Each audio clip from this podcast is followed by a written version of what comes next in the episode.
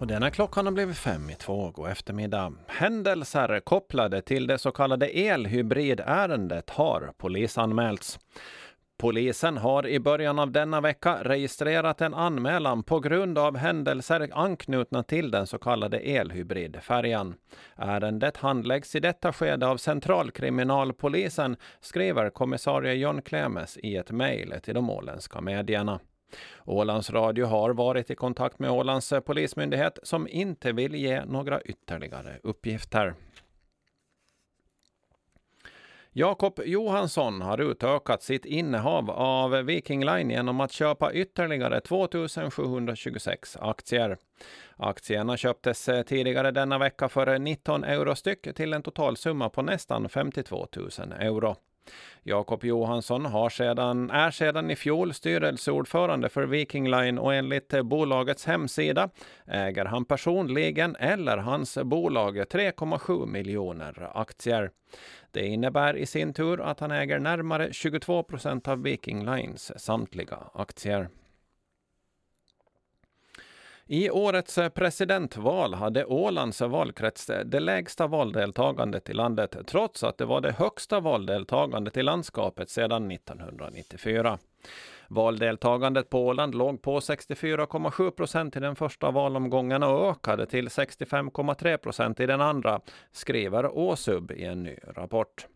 Jämfört med det senaste valet 2018 steg valdeltagandet för båda könen, men kvinnornas valdeltagande var 7 procentenheter högre än männens.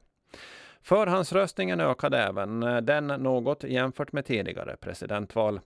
I den första omgången avgavs 35 procent av rösterna innan valdagen och i den andra omgången ökade det till 42 procent.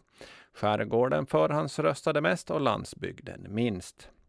En majoritet av de åländska rösterna har eh, inte landat på den president som blivit folkvald från 1994 och framåt i någon av valomgångarna.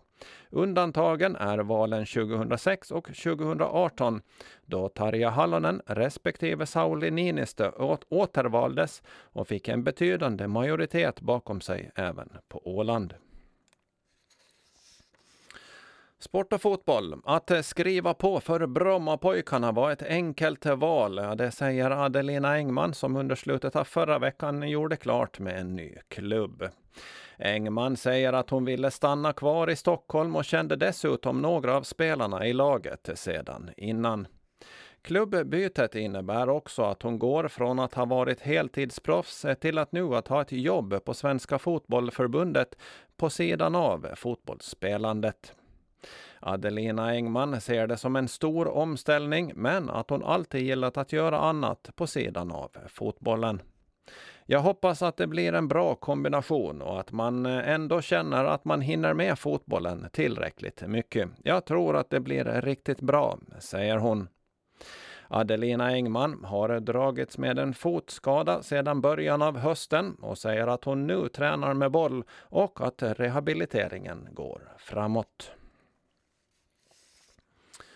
Så har vi ett trafikmeddelande i Ålandstrafiken. MS Viggen kommer tillbaka i trafik på södra linjen imorgon torsdag den 22 februari med avgång klockan 16.00 från Långnäs till Galtby.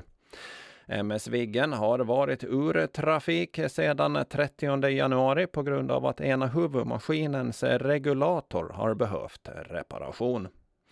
MS Gudingen har varit ersättande färja under tiden för MS Viggens frånvaro.